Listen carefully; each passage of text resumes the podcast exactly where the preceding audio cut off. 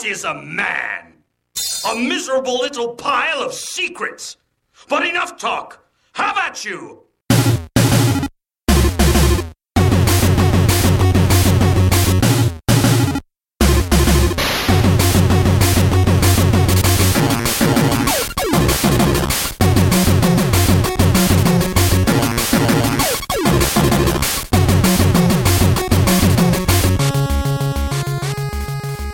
Säger vi välkommen till Retroresan. Jag som pratar nu heter Samson och med mig har jag som alltid Anders Burlöv. Och vi har fram till idag då spelat Castlevania Symphony of the Night. Eh, Vilken plattform har du spelat på? Eh, Jag spelade ja, en Playstation 1-porta till PS3. eh, Det här nedladdningsbara alternativet på PSN Store. Där var det precis som att spela på ett Playstation. Det är ingen skillnad alls på dem, alltså de versionerna. Nej, det är det inte. Man skapar ju ett virtuellt minneskort på PS3 på hårdisken. där, Så det är, i grund och botten så är det ju som ett spel på Playstation. Jag upplevde väl kanske att bilden fulade till sig ibland med massa konstiga blinkningar och så. Men det var, det var mest i början. Men jag har med sig efter ett tag. Själv har jag spelat det på en riktig Playstation faktiskt. Det, det är trogen originalet samtidigt måste jag säga. Ja, Det har ju mest att göra med att jag har ett jävla stort bibliotek och så jävla många polare som jag kan säga Du, har du det här? Ja. Så jag, jag har helt enkelt fått låna en skiva av en polare. Mitt spontana intryck så här, det är att det är otroligt snygg grafik och animation. Alltså jag skulle säga att det nog är det typ antingen snyggaste eller näst snyggaste 2D-spelet någonsin. Mm, det är jag nog beredd att hålla med om. Ja, alltså det, det, jag tänk, det jag tänker på liksom är att just för att det är 2D och just ja, hur spelet ritats upp så tänker man inte på att det är från Playstation-eran utan det blir mer tidlöst och det blir, det blir vackert för all framtid nästan. Ja, eh, det är ju... ehm, vad, heter kvinnan nu då? Ayami Kojima. Som är då, eh, så att säga, hon som har designat karaktärerna och även målat en hel del av bakgrunderna. Hon är helt självlärd. Åh jävlar. Och det tycker jag är- är också ännu coolare. För alltså, det är ju fantastiskt väldesignat. Alltså, utöver att det är liksom tekniskt skickligt pixlat liksom. Så är det jävligt snyggt alltihopa. Alltså, det, det kanske inte alltid faller, faller dig i smaken, men det har en väldigt enhetlig och, och klar design. Du känner aldrig att det är liksom något som sticker ut på fel sätt. Har du, eh, har du för övrigt hört om hur de gjorde för att få i ordning på pixelgrafiken när det här spelet släpptes? Nej, ingenting. jag, jag, jag lusläste lite om det och det visar sig att alltså Eh, Playstation är ju inte så jättebra på 2D-grafik utan den har ju koncentrerat sig på att kunna göra polygongrafik. Så när de skulle göra det här spelet så hade de jättemycket problem med att få det hela att se snyggt och bra ut. Till slut så var lösningen att spelet är helt i 3D men rör sig bara på ett enda plan och sen är det liksom alla figurer är bara en varsin pick, eller polygonfyrkant som är helt platt. Och sen så sitter eh, själva gubben, liksom, den pixlade gubben, den är satt ovanpå den här polygonen som då eh, textur. Så egentligen så sitter du och spelar ett 3D-spel, men alla, alla 3D-figurerna är osynliga och så sitter en 2D-textur på dem. så det är den skummaste tekniska lösningen i världen. Och det är Ja, också... men alltså, det är rätt ironiskt också just med ja, the curse över eh, Castlevania-serien och gå över till 3D. Hur det inte har funkat. Alltså det här anses väl vara ett av de bästa, om inte det bästa Castlevania-spelet. Och då är det 3D egentligen. I bakgrunden, i smyg.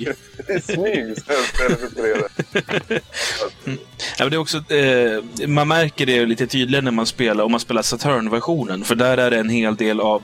Alltså i och med att de byggde det på det här sättet till Playstation så kunde de ju utnyttja det faktum att de hade den här maskineriet i bakgrunden. Så det är en massa effekter som bygger på att man har det här polygonbakgrunden. Så när de skulle porta spelet till Saturn fick de jättemycket problem. För Saturn var ju urusel på att hantera 3D. Så då var de tvungna att göra spelet på riktigt, så att säga. Och då, då gick det inte längre att ha alla de här liksom, läckra effekterna som de använt sig av liksom, när de ändå hade det här 3D-maskineriet. Vad är det för effekter du tänker på då? då? Det är lite så, så, saker som har med genomskinlighet att göra. Det är lite animationer som är alltså där man liksom hela objektet rör sig och inte bara bilden byter. Nu minns jag inte exakt någon så jättespecifik idé, men eh, när man till exempel förvandlar sig själv till dimma så, så är, finns det en liten animation som där det liksom, precis när man förvandlar sig så liksom dras dimman ut och in lite som för att visa på en förvandling. Och det man gör där, alltså det är att man tar tag i hörnen på polygonen och rycker lite i den så att liksom texturen dras ut lite. Och när du ska göra det på en Saturn, då är du tvungen att liksom faktiskt en, animera själva 2D istället för att bara dra i objektet som 2D är tejpad på. Liksom. Ja, ja, nog om det tekniska. Det är otroligt snyggt i alla fall. Ja, både, både till utseendet men även, även musiken tycker jag. Koncentrera alltid mer på musiken i, ja, i alla fall den här typen av spel. Jag måste säga att framförallt musiken i början, första banan med Alucard, den är så Alltså jag tycker överlag att det är förbannat välgjord musik. Alltså det är samma sak där, så är det väldigt genomtänkt och, och har en klar och fin bild. Liksom. Det känns överlag som att det är liksom genomgående en, en genuin känsla som körs genom hela musiken också. Det är liksom inte någon låt som är bara oj, vad är det här? Förutom kanske slutlåten med text, den här smöriga balladen. ja. Men den, den, kan man ju kanske skippa i så fall. Vi lämnar musiken därhän. Den är bra. Eh, hyfsat. För allting är väldigt bra utom slutlåten. Ja, i mina väger ner bra mycket när du säger det faktiskt. Men, men, det, men det är så himla lite också. Det, det, är så många timmar man spenderar i spelet med bra musik. Sen är det liksom två, tre minuter på slutet. Jag kan leva med de två, tre minuterna, definitivt. Andra inblandade i spelet och det är ju eh, Koji Igarashi som är producent. Och det här var eh, faktiskt det första spelet han fick göra själv. Och eh, han har pratat lite om, eh, om hur, hur, så att säga, sina minnen härifrån. Det är liksom eh, på den här Anniversary Collection som kom till DS. Eh, så säger han nämligen så här i extramaterialet. My most unforgettable and memorable Castlevania project is Symphony of the Night. As all of you are aware, it was my first participation with the Castlevania and my first title as a director. But then again, I'm scared that I'll find undiscovered bugs in the game, so I don't ever go back and play it. jag tycker det är otroligt charmigt och liksom att... Det här är hans lilla bebis. Ja, och han vill liksom inte hitta några fel i det. Så, så han, han vägrar spela det, för tänk om han skulle upptäcka att det finns fel. Ja, har du, har du hittat något fel? Jag har faktiskt inte, jag har haft en buggfri eh, tid med spelet. Jo, vänta nu! Ett fel hittade jag, nu när du säger det. Spelet hängde sig när jag kom till Outer Wall, när det var dimma där, så fort jag hoppade.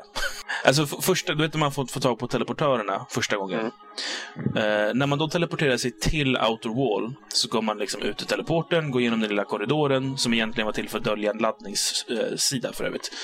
ja, det måste det ju vara. Jo, jo, alltså du märker det när du är på nedvända slottet så står det ju CD, det som du inte kunde läsa innan. Den här lilla symbolen i mitten. Det står CD och så är det en liten rund cirkel. så det är ett litet gulligt skämt.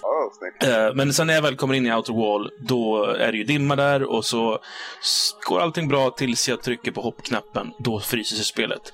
Jag googlade upp det och det visade sig att det är en känd bugg och det man gör är att man bara, när man kommer in till Outer Wall, då backar man ut igen och sen går man in på nytt och sen är det löst. Ja, det ser man på när jag hoppar. det kan bli jävligt svårt ibland, när man, särskilt om man ska uppåt. Behöver en utmaning ibland också. Ja, eh, apropå musiken för övrigt så är den skriven av Michiru Yamane eh, som har jobbat med alla castlevania spel nästan i alla fall. Ända sedan Bloodlines till Mega Drive 94. Eh, då ska vi se här. Det vänta, kom... det, vänta, Bloodlines, det är där man inleder det här spelet va? Slutbotten? Nej, eh, Bloodlines är eh, Mega Drive-spelet som kom samtidigt som Super Castlevania 4. Och eh, jag vet inte om det är något som följer upp Bloodlines, men jag vet att det som är precis före av det här, det är Rondo of Blood. Aha. Som, har, som har släppts som ny version, som Dracula X. Okay. Eh, Dracula X Chronicles till PSP och PSN. Eh, Dracula X släpptes också i importning till Super Nintendo, men den var jävligt dåligt gjord. så den har fått ganska usel kritik. Jag har testat lite Ronda Blood, eh, den nya versionen med 3D-grafik. Och jag tycker än så länge att det är lite sådär. Jag måste säga, det var jävla schysst sätta att med ett spel på. Alltså det, det, det har ju gjorts förut och det, det kanske gjorts bättre också. Men man kom in i stämningen på en gång liksom. Och, ja. Jag blev ju lite förvirrad av det, måste jag erkänna. Alltså. ja, det var lite så här, Final Stage, jaha, okej. Okay. Och så, så in till, jaha, okej, okay, Dracula på en gång. Jag, hade, jag visste inte om att jag skulle spela Alucard. Jag hade ju inte läst på någonting om spelet ordentligt. visste faktiskt inte jag heller. Men jag, hade, jag hade en polare som kom över några kvällar som faktiskt handen på hjärtat hjälpte mig att klara spelet också. Det är massvis med sådana där. Åh, oh, men visste du inte att du kan göra sådär? uh, nej, det gjorde jag inte. Skitsamma. Han eh, kom över och pratade om spelet innan jag riktigt hade bara satt den här. Och då berättade han att man, man spelar inte som Simon, utan man spelar ju som ja, Alucard. Mm. Större delen av spelet. Handen på hjärtat så är inte Simon med överhuvudtaget. Ja, men man kan ju spela som man sen. Som Richter menar du? Ja, ja, men alltså sen så får det Är det inte Simon som dör i början? Nej, det är Richter som dör i början. Inte Skitsamma. Ja, vad skulle du Ja. säga? Ja, jag vet, men jag tappar mig helt. jag förstör för dig. Du, visste du att du kan välja Richter från början? Om du, du vet när du får fylla i ditt namn. Om du skriver Richter så får du börja som honom. Okej. Hur... Eh, har du hunnit se båda sluten eller har du bara sett ett slut? Jag har bara sett ett slut tyvärr. Du fick inte det här första halvslutet då, så att säga, när, innan det vänds upp och ner? Nej. Okej, har du spelat det upp och nervända slottet? Ja. Okej. eh, precis innan upp och nervända slottet så slåss du ju mot eh, Richter. Om du går in i den fighten utan att ha på dig de här Holy Goggles eller vad de heter. Jo, eh, om du inte har dem på dig, vilket Ja. jag inte hade för jag är ju så jävla dum. då, då bara spöar du honom och sen så är det slut och så visar det sig att han var the bad guy. Och sen så ser det inte mer än så. Då är det liksom så här, hopp. Och jag tänkte så här, gud vad kort det här spelet var. Skulle det inte vara någonting med något på nedvänt? Återigen så sätter jag mig och googlar och så bara, ah, okej, jag måste ha glasögonen på mig. Och då får jag så här, resten av halva spelet. Men det är också, eh, alltså jag trodde ju det var slut där. Jag tänkte så här, ha ingen Dracula utan Richter är bad guy och han försökte väcka Dracula. Ja, det var lite konstigt. Särskilt med tanke på att hans tjej är här och hon verkar vara jävligt cool med att säga, ja, ja, okej, men då är han död då. Det är sånt som händer. Så eh, jag trodde ju att spelet var slut där, även om jag förstås var- misstänkte. Jag undrar hur många som spelade liksom när det kom och gjorde som du och sen bara la det på hyllan och aldrig spelade igen. Ja, det är ju så att säga innan internet slår igenom också. Ja, det är lite där jag tänker på.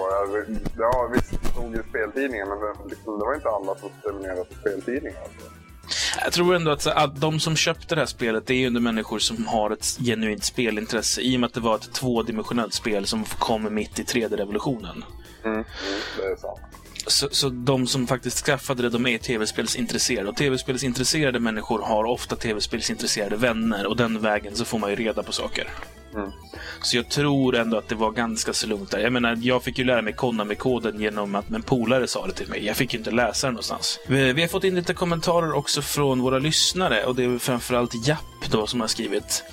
Eh, han säger så här. Det ska bli intressant att höra vad ni tycker om spegelversionen av slottet då svårighetsgraden, svårighetsgraden verkligen tar ett hupp uppåt. Eh, ja, hur kände du där? Det var helt klart kliv uppåt. känner jag. Men alltså, sen är det så här med det här spelet också och även liknande spel att man kan ju klura sig. Man kan ju hitta ställen där du levlar upp din karaktär så att den liksom i stort sett anbyts. Ja, så jag tycker att eh, även utan det så tycker jag att det känns som så här, när jag, i början av spegelversionen så det, det börjar ändå lite mjukstartigt. Det är inte än som det kommer de här riktigt svåra fina, att de kommer en bit in. Men när jag väl nådde liksom så här, oj, titta här, det här är ju snubbar som en gång i tiden var bossar och nu är de vanliga fiender. När jag väl hade kommit dit, då var jag så jävla tungt utrustad så att jag hade ju ihjäl dem ganska lätt ändå. Nej, men jag tyckte att det är ju svårt, det här spelet, men det handlar också väldigt mycket om att mm, när det gäller att ta sig fram på banorna så är det så här, har du tålamod och är noggrann, så, Och fix, alltså, så fixar Gör man du det på rätt sätt så gör, går det rätt enkelt. Men man kan ju göra på så många fel sen. Jo, men jag känner alltså, man vet ändå nästan hela tiden hur man ska ta sig förbi eh, ett rum eller en fiende. Och det handlar bara om att man så här skyndar sig eller att man slarvar. Sitter man bara och är koncentrerad så fixar man det oftast. Alltså, det, det, det är mycket det det handlar om, för det, det finns alltid liksom ställen där du kan stå där du är safe, mer eller mindre, mot en så svårare fiende. Eller åtminstone en teknik så att du kan undvika honom. Sen handlar det om att du måste känna till när det är läge att slå honom och när det är läge att sticka därifrån och vänta ett tag. Mm. Så har man bara tålamod så går det ju. Det är det jag känner lite med det här spelet. att Hade inte jag haft någon som hade spelat det här förr. Mm. Mm. Så hade det tagit ja, minst dubbelt så lång tid. Vad, vad klockade du på i slutändan? Ja, jag vet inte, men det var ja, längsta tiden hittills på ett retrospel i alla fall. Ja, min, min, min interna klocka i spelet låg på någonstans runt 30 timmar eller något sånt där. Eh, nu har ju jag grav tv-spelets OCD, så jag är ju sån här som måste hitta allt också. Ja, men jag kan tänka mig att det var någonstans där för mig också. Då har inte jag liksom försökt nå någon viss procentnivå eller någonting sånt. Utan det har bara, det har bara tagit tid. Kanske för att jag är dålig eller kanske för att jag gjorde på fel sätt på vissa ställen. Men det kräver sin tid och sin uppmärksamhet det här spelet. Och det är väl någonting bra egentligen. Japp säger också att han spelade väldigt länge utan att veta om att det fanns special moves. Eh, Du hade ju en polare som kunde hjälpa dig, men eh, innan han dök upp där, hade du någon hjälp där överhuvudtaget? Nej. Han han men har börjat prata om att bli en varg? Och, vad, vadå? En varg? Vad ska jag bli en varg för? Hur blir jag en varg? Och så bara tar han kontrollen och bara... Det ser man. Och massvis med sådana där som kom jävligt bra användningssätt. Alltså, vargen och dimman och fladdermusen och sånt, det, det fixade jag ändå. Liksom, för då, då såg man så här, hmm, power of batten och sånt där. Vad, vad innebär det? Och så kollar man lite så bara, ah, okej, okay, men jag kan förvandlas till en sån här. Och så liksom, provar man alla knappar som man hittade. Däremot de, de här alltså, spelsen som Det typ... ju några sjukt krångliga att få till. Ja, så svarar de inte. Men, men den som jag använde flitigt, det var den som heter Soul Steel. Ja när man tar hälsa från alla andra. Och den hade jag ju gärna känt till lite tidigare än vad jag gjorde, måste jag säga. För jag hade jäkligt mycket problem tidigare med att jag ofta hade väldigt ont om liv. Man får ju aldrig liv i det här spelet. Men du, det måste jag också berätta. För första två, kanske tre timmarna i det här spelet spelade jag inte med min, med min wingman så att säga. Utan då var jag helt själv och liksom bara diggade hårt. Jag tyckte liksom schysst intro. Och så dog jag. och så fick jag bara, ja, fick jag bara om helt från början. Så var det liksom en påminnelse om hur det var att spela spel för. Game over betyder game over. Back in the day. Ja, och jag, hade inte, jag förstod inte att det här rummet där man spar, där sparar man. Att man skulle klicka uppåt till den där ja, kistan och liknande saker. Du, jag, aha, här var det ett rum som jag ska göra någonting sen. Och så gick jag tillbaka och fortsatte. Jag tänkte, det spars väl av sig självt eller någonting sånt inbillar jag mig. Men så fel jag hade. ja, verkligen. Det var en, en liten påminnelse om hur, hur hårt och tufft vi hade det förr. Aloysius påpekar en, en detalj här på vårt Gameplayer-forum. Eh, han berättar om att spelet släpptes ju samtidigt som FF7, Tomb Raider 2 och Goldeneye 007. Mm. Eh, och det är ju spel som, som allihopa var jättesuccéer. Men om man kollar på dem idag så har de åldrats ganska rejält. Mm. Eh, blivit mer eller mindre bortglömda eller ospelbara väldigt mycket. Om man då jämför med, med, med det här spelet som inte sålde lika bra som dem, men som man ändå ser konstant på de här bästa spel genom tiderna-listorna. Det, det är liksom ett väldigt märkligt spelöde, som Aloysius uttrycker det. Fast jag skulle inte säga att Final Fantasy 7 är ospelbart idag. Nej, nej, men, eh, men till exempel Goldeneye är ospelbart, Tomb Raider är mer eller mindre bortglömt och Final Fantasy 7 har ändå åldrats ganska rejält. Ja, jo, jo. Om man jämför med hur det var när det lanserades och hur det ser ut idag.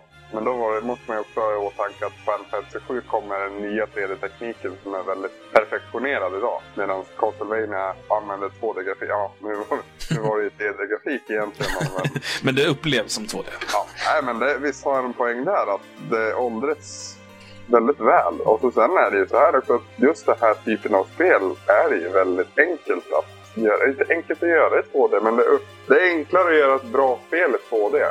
Alltså jag sk- jag skulle säga att det är enklare att göra ett spel i 2D, men det är inte enklare att göra ett bra spel i 2D.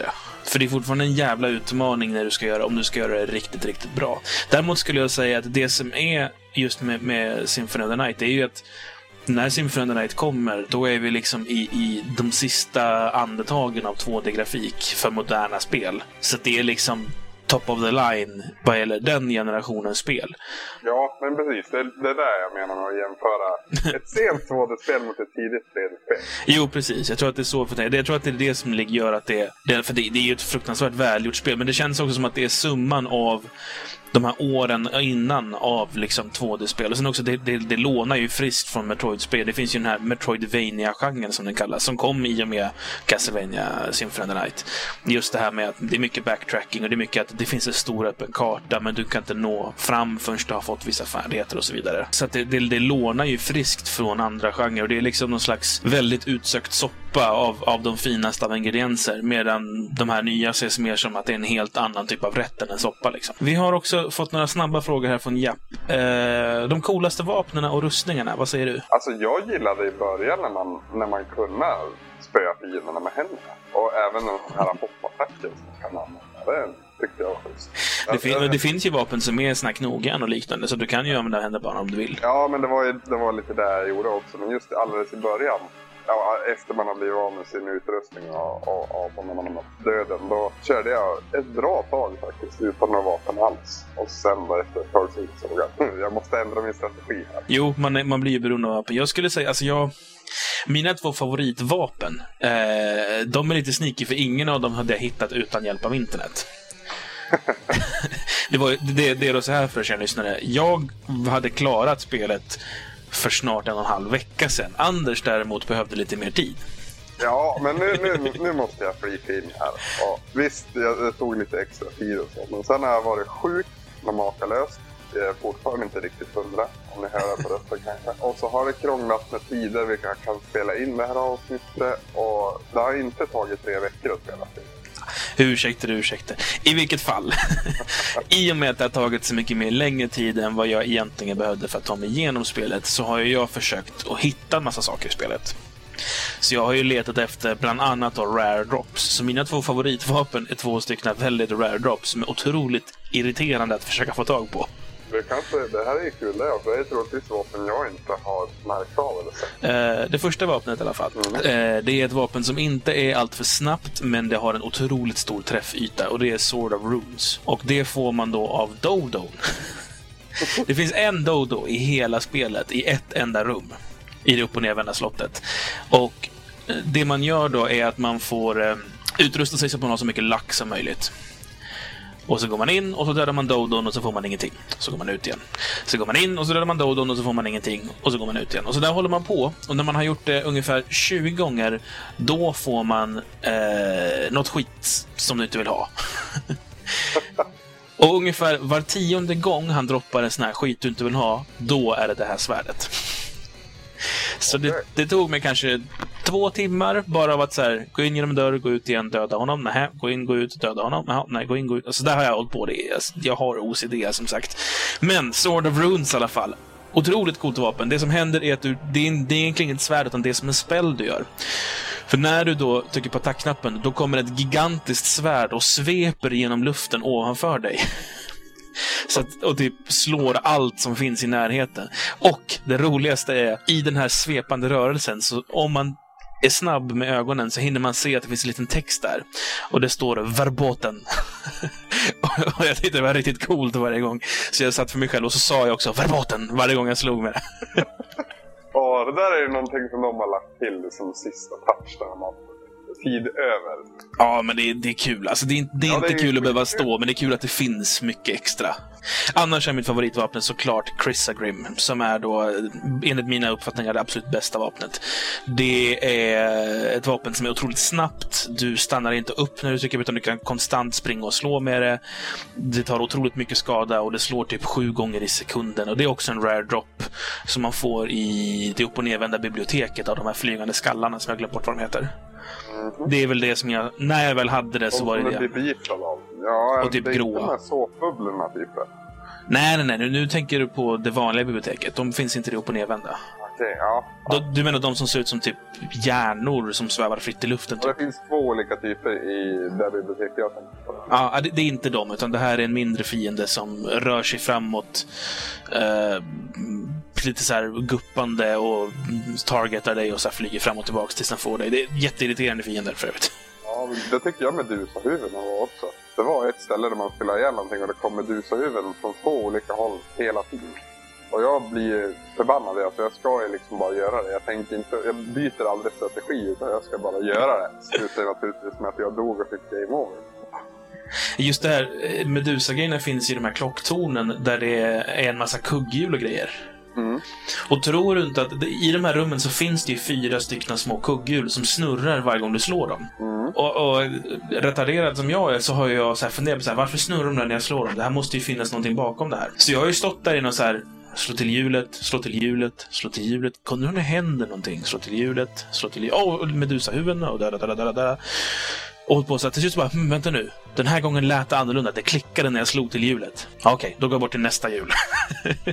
och totalt så är det fyra jävla hjul. och det är Medusa-huvuden hela jävla tiden. Jag hatar de där Medusa-huvuden. De är otroligt Ja. irriterande. De, de har samma roll som fågeljävlarna i Ninja Gaiden eller all, ja, fåglarna i Ghost and Goblins också för den delen. Allt sånt där som flyger kan reta gallfeber för mig. Fast jag måste säga att mina, min jobbigaste fiende för mig är inte Medusahuvudena trots allt. Den jobbigaste fienden, tycker jag, det är de här jävla korpliknande sakerna i just klocktornen. Du vet, när du ska hoppa upp eh, högst upp i, torn och så finns det en bjällklocka liksom högst upp. Där hoppar man ju upp för så här trä... Ja, vad ska det vara? Ställningar typ. Men högst upp på dem så sitter det alltid någon svart jävla fågeljävel och de slog alltid till mig så jag ramlade ner hela vägen och blev irriterad för då måste jag upp igen. Ja, det hatar jag också just när han blir träffad, att han måste hoppa bakåt. Han måste studsa bakåt. Men på det stora hela, eh, vad, vad tycker du är spelets styrkor? Det, det har vi nästan tagit upp. Dels är det ju en, en saftig bit. Det är alltså en riktigt saftig bit att hugga i sig där. Det finns mycket att hämta. Mm. Det är ett så liksom, relativt gammalt spel ändå. Och sen är det ju 2D-perfektion som jag var lite inne på. De har ju liksom, ja nu är det ju än en gång ett 3D-spel egentligen. Men eh, till ytan sett och där man ser som spelare så är det ett, ett otroligt vackert spel. Och allting i presentationen som är så enhetlig och just helhetsintrycket blir att det är någonting, det är ett jätte, ja, ett kärleksbarn till utvecklarna. Och Och så genuint genomarbetat också. Det känns Ja. som att ingenting har lämnats till slumpen. det finns ingen, nej men precis, det finns ingen punkt i spelet som känns mindre ambitiös än den andra. Utan det är liksom 100% hela tiden. Vi pratade ju om, om våra så att säga, hatfiender, men om man tittar på bossarna istället. Jag, jag har alltid haft en kärlek till bossar och det här spelet kryllar av dem. Eh, har du någon älsklingsboss i spelet? Ja, båda två är rätt tidigt eller jättetidigt egentligen. Första bossen först och främst, som man möter Dracula, tyckte jag fortfarande var jävligt cool. Så lätt. Ja, ja, ja, man kan ju inte dö, men jag tyckte det var coolt. Och så när han transformade sig själv sen, då bara wow. Och jag visste inte att man inte kunde dö, så jag liksom tog det där jätteseriöst. Ja. man kan ju göra på ett annat sätt också. Ja, och så sen, jag tror det är andra bossen när du spelar som Alucard, när du spelar mot en mirror av dig själv. Så säga. Som vanligt, precis som i Mega Man, så är han mycket bättre än dig. Han tål mer och han gör mer skada. Men Han är level 20, har jag läst på nätet. alltså, Ja. vad är man då själv? Typ Där är man väl på sin höjd kanske 10. Ja, 10-12. Men det beror på vad man har gjort. Alltså grejen är som jag sa att jag, jag fular mig lite grann. Jag, jag, jag vet inte vad det rätta ordet är men alldeles i början när du startar som Alucard Mm. och har alla dina grymma grejer. Ja, nere i kloaken eller vad man ska kalla det. Du studsar upp en massa fiskar. Där levlar jag upp med som fan. Det tänkte inte jag på att göra. Nej, det går, det går fort med den där utrustningen också. Så att sen när du möter döden, ja visst, torskar dina grejer men du har ju fortfarande högre level och allting är, blir lättare då. Sneaky av dig. Ja, väldigt sneaky. jag, jag vill liksom, som jag sa så dog jag en gång och fick game over och var sur. Jo, det, det vill man inte uppleva igen förstås. Nej, så då, då, då styrde jag mig. Och så, sen så insåg jag att det gick ju rätt fort också. Så det var ju roligt på grund av det också. Efter det, då, då ligger man hela tiden steget före. Ja, favoritboss för dig då? Jag vet inte riktigt. Alltså, Jag gillar också spegelversionen av mig själv. Dock så tycker jag att den var så jävla lätt. Ja, var... Eh, men jag, jag snubblade över en taktik som var helt ofelbar på honom. Och då var det inte så kul längre, för då var det liksom så här, "Ah, men jag gör bara så här tills han dör. liksom. Och jag är helt säker, så länge jag bara gör det här. Och det, det, var, det var lite tråkigt. Ehm, Vad var det då? Typ stå och blocka och kasta secondary weapon? nej, alltså varje gång du hoppar så hoppar också han. Okej. Så det du gör är att du hoppar bort från honom. Och sen i luften, mid-air liksom, då vänder du dig mot honom och slår ett slag. Och då, då studsar han lite bakåt, för du vet, man studsar ju när man har fått en smäll. Så fort ni landar och han är på fötter igen, då bara upprepar du det. Så gör du bara det här om och om igen, till slut så dör han. Har det mycket hjärta så går det även att spöa genom att bara stå och blocka och kasta ditt secondary weapon också. Det är sant. Och så har man, ehm, har man den här klockan som secondary weapon, att han fryser honom. För han tar ju inte så jättemånga hits, det handlar ju mest om att det är svårt att få in dem. Ja, Så- han är duktig på att dodga dem om man inte är. Ja. Så stannar du bara tiden så är det bara att gå fram och släpp, släpp, släpp, släpp, släpp så är du klar. ja, nej men eh, jag tror att... Svårt att säga, men den bossen som, som jag fick mest nerdgasm på. Det är när man är nere i katakomberna och man är i det här, alltså bossen i katakomberna som är den här stora, mystiska, biologiska saken som svävar i luften och det är zombies överallt och du slår bort delar av dem och det rummet är liksom täckt av dödskallar till all oändlighet. Bossen i sig inte så spännande, men känslan i det rummet och, och bara the sheer scope av att du är i ett rum som är till bredden fyllt av dödskallar överallt runt omkring. Alltså det var så mäktigt och så stort att komma dit. Och plus bara hur, hur obehaglig och äcklig den här bossen var och liksom hur motbjudande det var med du vet, så här, likdelar och det, det är mycket som är så här japansk skräck estetik. Och den här är verkligen så här, nu tar vi allting vi har och slänger det på ett och samma ställe. Vi maxar allt. Det är typ spelets uh, modehjärna. Ja, ungefär. Fast värre ändå. Tänk dig modehjärna på syra. Så det, eh, den, den gillade jag väldigt mycket. Mycket för känslan av rummet snarare än bossen, tror jag. Annars om man, om man tänker rent gameplaymässigt så, nu vet jag inte vad den bossen heter, men det är en boss man möter ganska sent som är väldigt, väldigt stor. Eh, och han har någon slags spira som han kan använda för att skjuta blixtar på dig eller eldbollar och liknande. Han är ganska nära slutet av spelet, i alla fall om man spelar i den ordningen som jag spelar alltihopa. Han var för jävla svår och jag, jag gav mig fan på att jag inte skulle liksom kolla upp någon hjälp, för jag tyckte det var så roligt att slåss mot honom. Mm. Och eh, till slut så klarade jag honom och var skitstolt över mig själv. Och sen så lämnar jag rummet och så dör jag innan savepunkten. och då tänkte jag så här, nej, jag har klarat honom en gång. Den här gången kollar jag vad det finns på nätet. Så bara, ja men ta på dig den här armorn så blir du healad av hans blixtar. Ja, men det är ju ganska smart. och så var han helt plötsligt skitlätt att ta. Men visst, jag har för mig att jag gjorde samma sak där också. Jag, jag fastnade på den där bossen. Och jag tror inte min, eh, min wingman heller, jag, näm, jag nämner inga namn, men jag tror inte min wingman heller visste hur, ja, om den där blixtgrejen. Utan att vi bara satt på Men visst finns det en savepunkt alldeles innan han va? Jo, eh, jag hade ju kunnat springa tillbaka dit och savea. Men eh, det tänkte inte jag på. Jag tänkte åh, jag har klarat bossen, nu springer jag vidare. Nej, för jag, jag, det gjorde jag. Varenda gång. Det är oftast en savepunkt alldeles innan bossen. Varenda gång man klarar den sprang man tillbaka och savea. Och det är nästan lite synd, för det är ju bossarna som är roligt.